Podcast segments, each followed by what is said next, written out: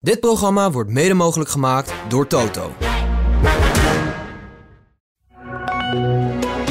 Dit is de AD Voetbal Podcast met Etienne Verhoef. Oranje plaatst zich voor het EK voetbal. Monsterzegen van Frankrijk en Ruud Geels overleden. Dit is een extra AD voetbalpodcast met vanuit de skihut in Amsterdam. Sjoerd Mossou. Uh, want ja, dat is voor het eerst dat we een podcast opnemen dat jij in de skihut zit, hè? Ja, ik kan je bijna niet horen, serieus.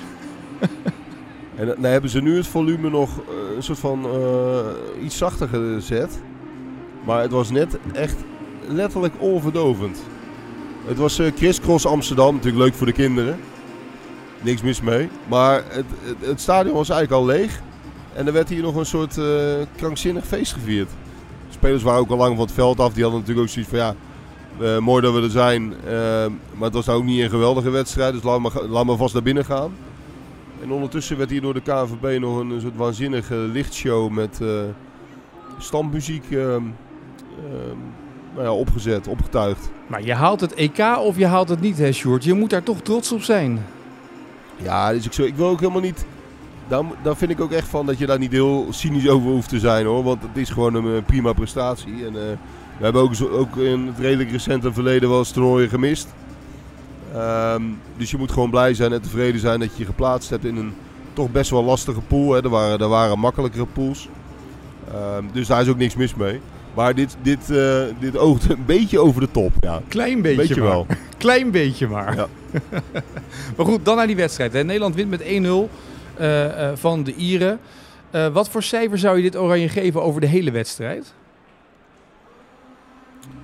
Nou, een 6,5. Dan ben ik nog redelijk mild, denk ik. Ja, de, eerste helft was, de tweede was, helft was iets was beter, niet... denk ik, dan de eerste helft. Ja, de eerste helft was voor, vooral aanvallend heel zwak. Um, ook toen hadden ze natuurlijk wel controle. Ze leunen natuurlijk bewust een beetje naar achteren. Um, ook om, om wat ruimte te creëren voor, uh, voor jezelf. Wat ik tactisch nog best snapte, al zag dat er natuurlijk niet spectaculair uit. Uh, een beetje oudmoedig zelfs, hè, want je plooit best wel, best wel ver terug. Maar goed, dat, dat was op zich geen probleem. Uh, alleen aanvallend hield het niet over. Dus in de, in de laatste fase van het veld, op die goal na, was het, was het allemaal heel matig. En ehm, kwam je dus wel tot zeg maar 20, 30 meter van de goal. Maar dan was het ook, ook wel klaar uh, voor rust. Een paar halve uh, kansjes nog. Maar behalve die goal van, uh, van het, ja, toch wel het fenomeen Wout Weghorst. Nou. was het tot de rust niet veel, nee. Nee, maar die, die sprint van Weghorst ook over 50 meter eigenlijk, hè? dat verwacht je niet van hem. Nee, ik, ik, ik moest een stuk tikken. Um, en ik, ik had in eerste instantie geschreven dat, dat, dat hij wegdraaide van twee tegenstanders. En toen dacht ik van ja, maar als je het niet gezien hebt, dan stel je je daar iets ongelooflijks bij voor. Hè? Ja. Dat Weghorst. Dus ik heb er daarna uh, dat, uh, van gemaakt dat hij zich lossleurde van twee tegenstanders. Want dat was het eigenlijk meer. Hè? Nou, dat, uh... Bergkamp draait weg van twee Ja. tegenstanders. En Weghorst, Weghorst die sleurt zich los van twee tegenstanders. Maar ik vond wel, hij, hij deed die sprint inderdaad prima. En, en vooral ook het af, afwerken was natuurlijk uitstekend. Hij bleef rustig kijken. En uh, de, de hoek was iets te groot van de, voor, van de keeper. En daar profiteerde hij hartstikke goed van. Dus dat was gewoon een goede goal. En dat maakte ook wel. Ja, daardoor sloopte misschien ook nog wel een beetje gemakzucht in. Want daardoor was de spanning ook wel een beetje van de wedstrijd af. Je had nooit echt het gevoel van nou, uh, we gaan hier nog enorm in de problemen komen. En dat, ik denk dat de spelers dat, dat onbewust ook wel een beetje hadden. Ja, en na rust hadden ze gewoon heel snel 2-0 moeten maken. En, en dan wordt het nog heel even spannend met die buitenspelsituatie. Ja. Uh, die bal die trouwens voor mij via de hak van Van Dijk ja. door de benen van uh, Verbrugge ging. Die werd nog licht getoucheerd, maar dat was wel even zo'n zo momentje dat, dat je even denkt van oh nee, het zal toch niet. Maar dat was gewoon buitenspel, dus het uh, liep me de sisser af. Ja, want anders was die bal, dat liet ze ook zien en met doellijntechnologie was het gewoon een doelpunt geweest hè, als die... Uh... Zeker, ja, ja, ja. Nee, wij, wij zaten al de herhaling te kijken en uh, door de beroemde bolling van de bal ben je toch even sceptisch van is hij er nou helemaal overheen of niet. Maar dat was inderdaad wel het geval. Maar het was ook duidelijk buitenspel. Dus uiteindelijk uh, was dat ook het enige moment eigenlijk dat je, dat je nog een beetje opgewonden raakte van de spanning. Want verder was dat natuurlijk amper aan de hand. Eh, ook in die laatste fase, dan komen er wat vrije trappen, een paar corners.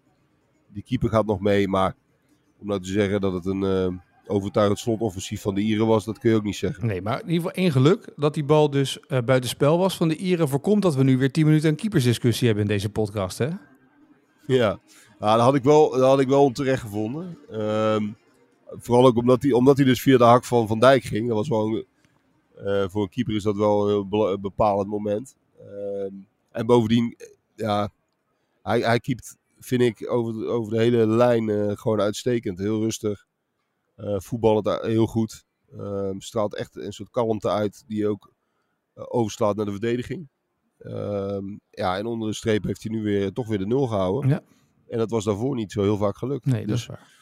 Ik ben blij dat die discussie in ieder geval even niet, eh, niet gevoerd hoeft te worden. Eh, de discussie Simons, hè, die nu eh, tien interlands heeft gespeeld in dit Nederlands elftal. En de, de stempel probeert te drukken, maar dat lukt steeds niet. Is die overijverig? Is die overeager? Wat is het? Nou ja, allebei. Ja, je kunt er nog een paar woorden op plakken, maar dat is ongeveer de categorie waar je het in moet zoeken.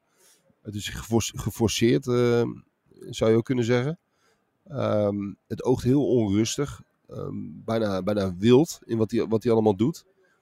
Ehm, ja, dat, dat, dat kun je bijna niet los van elkaar zien van die negen wedstrijden die er ieder jaar vooraf gingen. Want toen was dat ook al een beetje zo.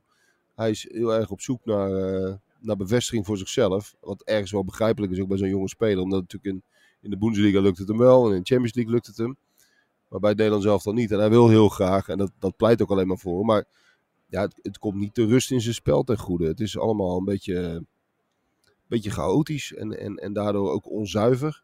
En ehm, ja, dat, dat ziet er niet geweldig uit. Hij had één keer gewoon pech. Hè? Ja. Dat hij hem goed opzet en dat hij hem tegen de hak van Gakpo eh, aanschiet. En dan, ja, dan, hoe- in hoe die dan ook reageert hè, met, met, met allemaal eh, drama, dat, daar zie je wel aan dat het, eh, dat het diep zit. Ja, maar, maar ik neem toch aan dat Koeman en alle mensen bij de staf van Oranje zeggen... komt allemaal wel rustig aan, maar kennelijk dat, heeft hij ergens die bevestiging nodig met die goal. Is dat het dan, een doelpunt? Ja, blijkbaar. Want, want ze zullen dat zeggen, maar het komt nog niet echt over. Nee. Ik, ik vond het voor rust af en toe een beetje irritant om naar te kijken, eerlijk gezegd. Je hebt dat ook wel eens bij, bij, bij jeugdvoetballers. Hè? Dat, dat, dat één speler dan heel, heel geforceerd eh, voor zichzelf ook een beetje gaat spelen. Ehm, dat was niet goed. Nee. En eh, de, ja, niemand hoeft te twijfelen dat het moment vanzelf natuurlijk een keer gaat komen. Want hij, het is natuurlijk een hartstikke goede speler en het is een prima prof. Maar zo geforceerd als nu, eh, dat, dat is niet hoe je het wil. nee. Ik had ook een beetje idee dat hij daarmee bijvoorbeeld iemand als Gakpo ook uit de wedstrijd haalde. Omdat hij zo geforceerd bezig was met die zoektocht naar die goal. Dat vond ik ook. Ja, want Gakpo begon eigenlijk nog wel best wel goed. En dat, die werd daar ook niet, eh, nou, die werd er ook niet kalm van. En, en daar kwam ook nog wel bij. Kijk, Weghorst hartstikke knap. Heel belangrijk geweest in deze kwalificatie. Eh goede goals gemaakt tegen Griekenland, tegen Ierland uit natuurlijk. Ehm, maar we, mogen het ook wel constateren, dat is ook niks nieuws en dat is ook helemaal geen schande. Het is niet makkelijk voetballen met, met Weghorst in de spits. Nee. Het is niet zo dat hij even het balletje voor je vasthoudt en dat hij hem daarna op maat eh, breed legt. Eh, dat maakt het voor Gakpo en ook voor Simons natuurlijk ook niet makkelijker. Het is, hij werkt ontzettend hard en het is heel aanstekelijk. En, en het is grappig dat die jongen eh, het zo geweldig doet. En hartstikke knap ook gezien zijn zeg maar, ja, pure talent voor, voor voetbal. Ehm, maar ja, je wil toch straks wil je wel een, een spits met iets meer, eh, iets meer klasse in zijn spel. Want daar gaat, daar gaat iedereen eh, ook makkelijker van spelen. En dat, dat vond ik ook na rust. Dat, dat- het is allemaal gesleur en gehannes. Ja. En dat is prima voor, de voor het laatste half uur. Ehm, maar voor 90 minuten vind ik het wat veel, eerlijk gezegd. Ja, wat me ook wel opviel, was dat Oranje iets makkelijker ging voetballen toen Veerman in de ploeg kwam. Alsof ze iemand misten die af en toe net even dat balletje kon geven. Ja, ja, maar ik vond eigenlijk dat, dat Schouten en, en Reiners, dat die dat ook wel aardig deden hoor. En dat, dat daar het probleem eigenlijk niet zo heel erg lag. In de zin van, we, kwamen, we kregen die bal wel bij de aanvallers. Ik zeg wel heel populair mag wel hè. Natuurlijk. Ehm, Oranje kreeg eh, de bal wel bij de aanvallers. Maar, maar daar stokte het vaak. En Veerman natuurlijk, die, die geeft die bal nog iets makkelijker vooruit. Maar ik, ik vond Schouten ook wel heel fijn om naar te kijken. En Eerst helft ook, en want de statistiek was niet goed van Schouten. hè. Ik geloof 72, maar 72% geslaagde passes. Zo zie je maar dat je niet altijd naar statistieken moet kijken. Mhm. Nee, ik vond hem, ik vond hem wel goed spelen. Ehm, en, en ook de, de combinatie met Reiners vond ik best wel, best wel oké. En straks gaat daar natuurlijk Frenkie de Jong spelen. Dat, daar is helemaal geen discussie over. Maar ik vond het als combinatie best wel werken. En dan eh, Reiners die iets meer eh, dynamiek en diepgang in zijn spel heeft. Schouten die, eh, nou, die, die wel rust in het spel brengt en een soort logica. Ik was daar niet zo negatief over. Veerman, eh, ja, was ook, was ook oké. Ja. Maar ehm, het gaat vooral straks natuurlijk om de combinatie met Frenkie de Jong. Ja. Wat, is daar nou, wat past daar nou het beste bij? En da- daarin heeft Koeman er wel weer eh, twee potentiële puzzelstukjes bij gekregen hè, in de laatste paar interlands. Uh, met, met, met Reiners natuurlijk, die tegen Griekenland ook wel heel goed was. En nu met, uh, met Schouten ook nog. Ik denk dat, dat Reiners het meest logisch is in de combinatie. Ja, um, ja dat, dat zou al heel erg helpen. Hè, want dat is natuurlijk wel precies de positie, even los van de aanvallers, die lang het probleem is geweest. Ja. Nou hebben we bij Oranje ook nog een extra aanvaller erbij, zag ik de tweede helft. En het verbaast me elke keer weer, maar ineens liep Denzel Dumfries weer in de spits. Dat je denkt, ik snap dat je wingback bent en dat je aan die rechterkant wat vrijheid krijgt. Maar Denzel Dumfries loopt tegenwoordig echt overal bij dit Oranje. Ik heb hem links buiten zien staan. Hij stond in de spits ik zeggen, ja. ja links buiten wilde ik ook zeggen. Dat stond hij ook, ja. ja, het, het, is ook wel echt, echt een wapen en, en ook wel het is geen toeval hè, dat bij bijna iedere dreigende situatie is hij bij betrokken. Ja. En uh, hij blijft maar komen. En je kunt je er als tegenstander toch ook moeilijk op instellen blijkbaar. Want nou ja, je, het zit hem natuurlijk in de timing van die loopacties. Het zit hem ook in de loopactie van de, van de, van de anderen. Um, dus het, ja, dat, dat is gewoon wel iets waar, uh, waar je wat mee kan. En daarom is het ook, in, alleen al om die rol is het, is het ook heel logisch dat ook Koeman uiteindelijk terug is gegaan naar een systeem met drie verdedigers. En dat hoeft echt niet in alle wedstrijden. Je kunt dus ook nog wel eens 4-3-3 spelen. Maar aan dit systeem ontkom je niet als je tot ja, zeg maar duurzame prestaties wil komen. Uh, hij doet het iets anders dan Van Gaal deed in, in Qatar. Maar, maar met principe met drie centrale en, en wingbacks is er nog steeds. En dat is bij dit Oranje toch uh, gewoon het meest logisch. Het is ook omdat je aanvallend uh, ja, niet, niet al te dik in de spoeling zit. Is dat een goede uitdrukking? Ja. ja. Um, de, de, de spoeling is dun inderdaad, ja, dat is eigenlijk. De spoeling is dun, dus die, die is niet dik, nee. dacht ik. Maar ik, ik, een soort verdichtelijke vrijheid mag, pas ik mag, mag. Ja, hè? Um, maar de, je hebt geen topaanvallers op de vleugels, zeker niet. Um, en dan is het gewoon, ja, kijk maar naar, naar, naar, naar de wedstrijd tegen Frankrijk.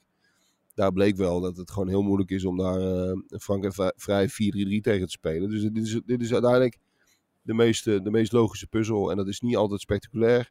Maar als Denzel het op zijn heupen krijgt, dan uh, is het toch wel geinig om naar te kijken. Toch was Koeman uh, op de bank vrij onrustig en ook geïrriteerd over het spel van Oranje. Ook wat er voorin gebeurde.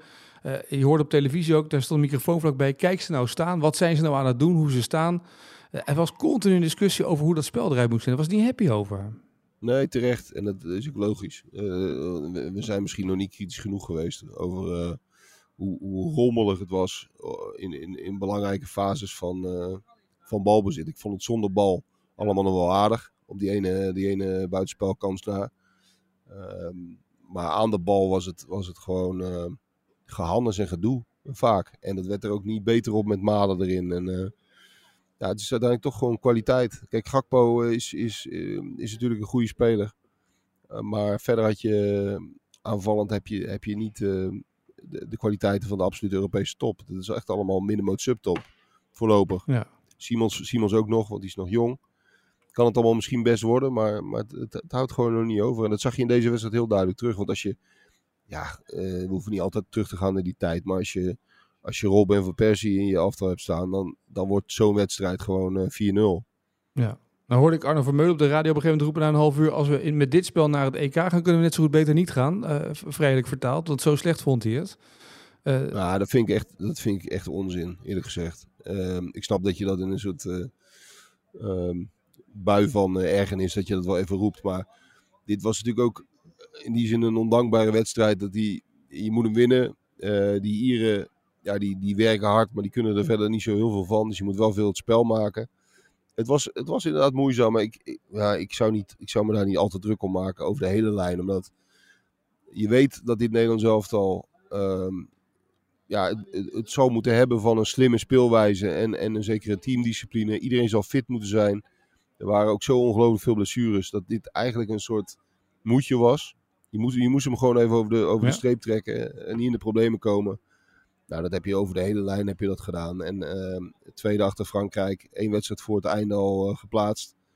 Nou ja, ik, ik ben niet zo heel negatief. Nee. En dan moet je nu nog tegen Gibraltar in Portugal spelen. Gibraltar dat met 14-0 verloren heeft van Frankrijk. Eén uh, geruststelling voor Koeman. Uh, en misschien ook voor de bondscoach van Frankrijk. Uh, van, uh, van Gibraltar. Want Ethan Santos die kreeg een rode kaart. Die is er niet bij. Ik denk dat Koeman opgelucht is. Wat denk jij? Ja, dat is een uitstekende speler. Ja. uh, Ethan Santos. Nee, dat is eigenlijk een van de betere van uh, Gibraltar. Maar nee, geen idee. Maar ehm, ik, ik zag het inderdaad. En, en het waren ook meteen twee, ehm, twee eigen goals. Of werd ja, die, twee eigen laatste, goals in de eerste vijf minuten, ja. En een rode kaart hè, binnen een kwartier. Ja. ja. lekker dan. Ja. En voor het eerst dat Frankrijk meer dan tien keer scoort in een officiële wedstrijd. Ja, ik had mijn livescore aanstaan. Dus het ging ongelooflijk snel met, met, met de pushberichten die binnenkwamen. Uh, ja, god, het zegt alles ook over de kracht van Frankrijk. Ik bedoel, Gibraltar is natuurlijk heel zwak, dat, dat, dat is natuurlijk bekend. Maar toch, met 14-0 winnen komt niet meer zo heel vaak voor. Nee. En ehm, ja, als je de, de aanvallers van Frankrijk hebt, met een mannetje meer, die hoef je alleen maar rond de 16 te brengen. Het is een goal. Ja, dat, dat zal Nederland met, met wat wij aan materiaal hebben, zal dat, zal dat Nederland niet zo snel lukken ook, ook Nederland moet natuurlijk uh, ruim van Gibraltar winnen. Maar er is nog wel een groot verschil tussen met, uh, met 4-5-0 winnen of met 14-0 winnen. Ja. Dat lijkt me een moeilijk verhaal, maar goed, wie weet. Dat is wel een uitslag die de wereld over gaat, die 14-0, hè? Zeker, zeker. Ja. En nou ja, goed, het zegt ook wel veel, nog even los van puur deze uitslag. Er was natuurlijk een enorm verschil in deze pool um, tussen Frankrijk en de rest. En dat, dat, daarom was dat, dat feestje net met, uh, met Chris Cross uh, Amsterdam en uh, Kraantje Papi en de hele, de hele mikmak. Voelde ook een beetje overdreven, omdat ja, jij hebt je geplaatst, maar je hebt ook heel duidelijk gezien. We komen niet in de buurt van, van, van de echte toplanden zoals Frankrijk. Daar is gewoon nog een, heel groot gapend verschil tussen. En daar hoef je ook helemaal geen, hoef je niet voor te schamen of zo. Dat, dat is ook prima. Dat geldt voor de meeste andere landen. Je hebt dus een stuk of vier, vijf die je echt tot de favorieten mag rekenen. En de rest is, is eigenlijk uh, de rest. Ja. Wij zijn gewoon de rest. En, en als, als alles goed uitpakt en iedereen is fit. En je hebt uh, deze speelwijze nog wat verder uh, ingeslepen. En Frenkie de Jong is terug enzovoort. Dan, dan heb je heus wel, als je, als je een beetje gunstig loopt, heb je in het toernooi altijd een kans. Maar dan moet wel echt alles goed vallen. Ja, en begrijp ik nu trouwens, je, je noemt net nog even Kraantje Papi en Chris maar die staan nu in de fanzone of zo, met alle andere duizenden mensen nog een vee. Want het is nu helemaal stil in die arena ja, iedereen is nu uitgehost. Overigens was dat al tijdens de show. Hoor. We zaten de meeste mensen al lekker in de file op de A2. Um, maar aan het enthousiasme van die jongens lag het niet. Ik vond dat ze het echt vol, uh, vol overtuiging deden. En ondanks dat er op een gegeven moment nog maar 2000 mensen in het stadion zaten van de 50. Um, nou, ze, ze, ze, bleven, ze bleven hartstochtelijk doorgaan. En de inzet lag het niet. Nee. En dan nog even naar het bericht dat vandaag ook kwam dat uh, een voormalig international en voormalig spits van Ajax, PSV en Feyenoord, Ruud Gils, uh, is overleden. Nog relatief jong, uh, vond ik. maar een man die kon koppen als de beste.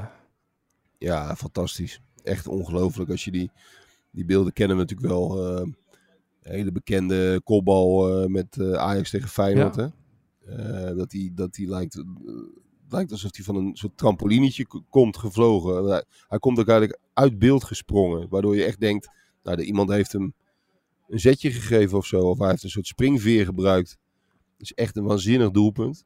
En, en ik zag daar meer beelden van vandaag. Want dat is bij alle triestheid van het overlijden van zo'n iemand natuurlijk uh, uh, het, enige, het enige mooie zou je kunnen zeggen. Is dat je zoveel schitterende beelden nog eens terug, terugziet van zo'n speler. En dan, dan beklijft met name zijn ongelofelijke kopkracht. Al was het ook in, in andere opzichten een, een hele goede speler. Echte spits. Uh, vijf keer topscorer van de Eredivisie geworden. Ja. Uh, voor de hele top 3 gespeeld. Hè. Dat vind ik ook wel bijzonder eigenlijk. Hè? Dat je bij de hele top 3 hebt gespeeld. Ja, lange tijd als enige. Ook nog bij NAC gespeeld, ook niet vergeten. Um, maar uh, dat is al heel bijzonder. Ja. En, uh, ja, en, en, en heel, heel, erg geliefd ook. Hè? Een, een man die die een heel prettig karakter had, is me altijd verteld. En daardoor, ja, iedereen mocht hem graag, Ruud Gils. Ja, en toch is het gek, als je naar zijn interlandcarrière bekijkt, 20 interlands gespeeld, 11 doelpunten, was bij het WK 74 en dat noemde hij een van de ergste weken van zijn leven. Binnen Oranje paste hij op de een of andere manier niet. Nee, toen had hij het helemaal niet naar zijn zin. En er was natuurlijk ook gigantische concurrentie in die ja. tijd. Dat moeten we niet vergeten. dus daar kon hij niet zoveel aan doen. Um, maar hij voelde zich echt nutteloos en zinloos. Daar heeft hij ook wel eens over verteld. Hij, en daardoor werd, voelde hij zich ook niet echt serieus genomen door de, door de rest van het elftal. Daar heeft hij best wel mee geworsteld. Maar hij heeft na zijn carrière volgens mij wel uh, alle credits en egars uh, gekregen voor een prachtige carrière en terecht. En uh, nou, de laatste jaar ging het al wat minder met zijn gezondheid. Ja. En was hij ook, nou, was hij ook niet meer zo vaak in beeld en, en niet zo vaak zichtbaar. Daarvoor wel altijd. Nou, je zag hem heel vaak ook bij reunies van oudspelers en zo. Was hij vaak present. Ja. nou, de laatste tijd helaas eh, niet meer. En ehm, ja, zonde, zo jong. Ja, precies. Relatief jong. 75 inderdaad, ja. En eh, biografie 2007 al verschenen van hem, altijd raken. Misschien mooi om die nog eens even op te duikelen. En het verhaal van deze man eh, nog Staat in de kast hoor, bij Ja, mij. dat- Ru- dat ook Ruud, Ruud Doeverdans, toch? Ja, precies. Toch te schrijven? Ja. Ja. Dus dat is. eh, en hij zei, hij zei ooit bij Barend en van Dorp voor een hele mooie quote die bij ons op de site stond. Over zijn voetbalcarrière. Ik heb de glitter en de bekendheid als een last ervaren. Zal ik eens iets heel eerlijk zeggen. Als ik op de ladder was blijven staan, dan was ik misschien veel gelukkiger geweest. Hmm, mooi. Ja. Ja. En eh, in, in, in, indringend ook wel. hè. Dat is blijkbaar eh, ja, maakt dat niet per se altijd gelukkig. Hoe mooi het ook van de buitenkant eh, lijkt. Ja. Hij werd, hij werd eh, een grappig eh, feitje, hij, hij werd bij NAC binnengehaald. Wat natuurlijk een sensationele aankoop was in die tijd. Midden jaren tachtig. do- Door, door sponsor Jamin.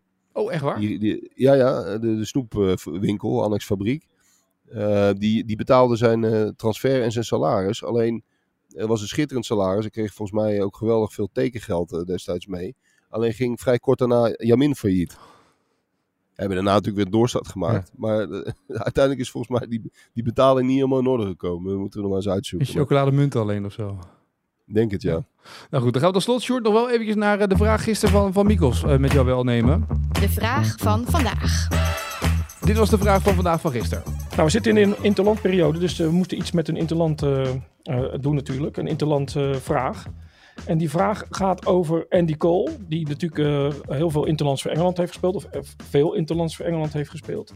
Maar aan zijn eerste vier interlands hangt een apart verhaal. En zijn eerste vier interlands waren bijzonder. In het rijtje daarna is het, is het allemaal wat minder bijzonder. Maar wat is er zo speciaal aan de eerste vier interlands van Andy Cole te beginnen in 1995. Ja. Toen debuteerde hij tegen Uruguay. Maar wat is er zo bijzonder aan zijn eerste vier interlands? Ik vond het een hele moeilijke vraag, hele lastige vraag. Maar kennelijk was het niet zo lastig, want het, ons Twitterend publiek en ons eh Instagram publiek wist dit gewoon. Jij ook? Ik, ik heb het laatst nog gelezen. Eh, tenminste, ik denk dat, dat Mikos daarop Ja. doelt. Eh, ik heb laatst wel een heel groot verhaal over Andy te lezen. Ehm, was dat niet... ehm, hij heeft niet zo heel veel Interlands toch gespeeld? Nee, hij heeft niet zo heel veel interlands gespeeld, dat klopt. Dat, dat sowieso niet, nee. Eh, wat was dat nou? Zo, ja, was dat niet steeds... Had hij niet steeds een andere trainer of Ja, zo? dat was het, ja. Hij had steeds een andere eh, bondscoach, de eerste vier interlands. Ah, ja, ja, ja. En zat daar ook niet die, die dingen bij? eh Graham Taylor zat er natuurlijk ook bij in die periode. Ja, Venables, Hoddle, Wilkinson en Keegan. Oh, eh, dat was net na, ja, dat was net na eh, 95 jaar. Ja.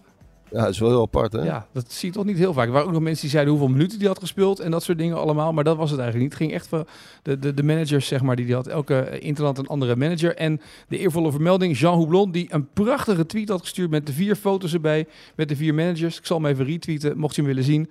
Vier foto's erbij. En dan zie je ook precies Andy Cole met de vier verschillende eh, managers voorbij komen. Ehm, ja, dan moeten we nog een vraag hebben natuurlijk voor, eh, voor de wedstrijd, eh, voor voor de voetbalpodcast van maandag vanuit Portugal, voor Maarten Wijfels. Eh, als je er eentje hebt, mag het. Ik heb er ook nog eentje, wel, maar wat jij wil. Nou ja, als jij er een hebt, dan... eh, maar hebben we die via een lezer? Nee, deze niet. Deze, had, ik, deze had ik zelf eventjes. Nou, die, nou, dan vind ik hartstikke leuk. Dus als jij die er een keer in gooit, Etienne, je, je, je bent mijn... eh, je hebt al- alle ruimte, krijg je. Nou, ik dacht namelijk bijna, het zou het debutant Thijs Dallinga kunnen worden bij deze Interland. Gebeurde uiteindelijk niet. Maar toen bedacht ik mij, wie was de eerste debutant onder Ronald Koeman als bondscoach van het Nederlands elftal? Welke speler was dat? De eerste debutant Ja. onder Ronald Koeman als bondscoach. In, in, in, eh, van al zijn bondscoach. Ja, van, zijn- ja, van zijn schappen. ja, eerste bondscoachschap en eh, Koeman 1 en Koeman 2, zeg maar. Dus eh, de, in die beide periodes. Maar wie was de allereerste debutant onder Ronald Koeman? Dat was... Mooie vraag. Ja, ik ben heel benieuwd of... Ik, denk, ik denk dat ik erbij was. Dat denk ik ook wel, ja. Ik denk ook namelijk dat er... Dat er ja, het zijn die wedstrijden dat hij gelijk al een aantal debutanten, dus een aardige. Maar de allereerste, want een van de debutanten scoorde ook. Dat was deze wedstrijd, vandaag scoorde die. Maar dat was hem niet, zeg maar. Het was een andere debutant. Die geef ik alvast mee. Mocht je het nou weten, hashtag AD Voetbalpodcast op X. Als je dat nog gebruikt na de woorden van Elon Musk. En anders eh mij een berichtje sturen via Instagram. Dan ding je mee naar de eervolle vermelding. Maandag het antwoord in de AD Voetbalpodcast. Ik zou zeggen, Sjoerd, pak de tas, pak de koffer, pak het paspoort. En dan... Gaan we eh, doen. Nog even één, ja. één eervolle vermelding. Want jij noemt die Dallinga. Ja. Toch even, eh, ik toch even vermeld hebben. Voor ehm, het Twitter-fenomeen en ehm Haagse held Jo Buit. Ken je die? Ja, zeker. Ja. Heeft ook eh, regelmatig wat programma's gehad bij eh, TV West. Mhm. En heeft nu een geinige podcast over de keukenkampioen-divisie. Die voorspelde, ehm, nou, volgens mij twee, drie jaar geleden al, dat Dallinga de weg van zeg maar, Ruud van Nistelrooy eh, en Klaas-Jan Huntelaar zou gaan bewandelen. Vanuit de eerste divisie langzaam richting het Nederlands elftal. Ja, Ik zag daar laatst nog opnamen van voorbij komen. Van dat, eh, dat Joop dat in al zijn onmetelijke wijsheid eh, voorspelt. En ik vind dat toch fascinerend dat dat helemaal uit lijkt te komen. Dit, dit, dit kan echt een eh, Van Nistelrooy, Allings Huntelaar eh, verhaal worden. moet hij wel naar een nieuwe een club beetje doorzet. in de zomer. Zeker, want dat gaat ook gebeuren. Ja, precies. Nou, bij deze. eh, deze voorspelling al was meegenomen. En, en nog even debuteren in het Nederlands elftal tegen Gibraltar. En dan gelijk even drie, vier goaltjes maken. Ja, helpt ook mee. Ja, precies. Wordt gelijk een paar miljoen duurder voor de, voor de aankopende club, denk ik zomaar, als hij dat doet. Maar goed, we gaan kijken. Eh, we gaan naar Portugal. Ik spreek, eh, je, spreek jullie, nou ja, jou deze week ook vanuit Portugal naar die wedstrijd tegen Gibraltar. En eh, maandag een nieuwe AD Voetbal podcast. Dan met eh, Maarten Wijfel. Sjoerd, dank en eh, tot de volgende. Yes.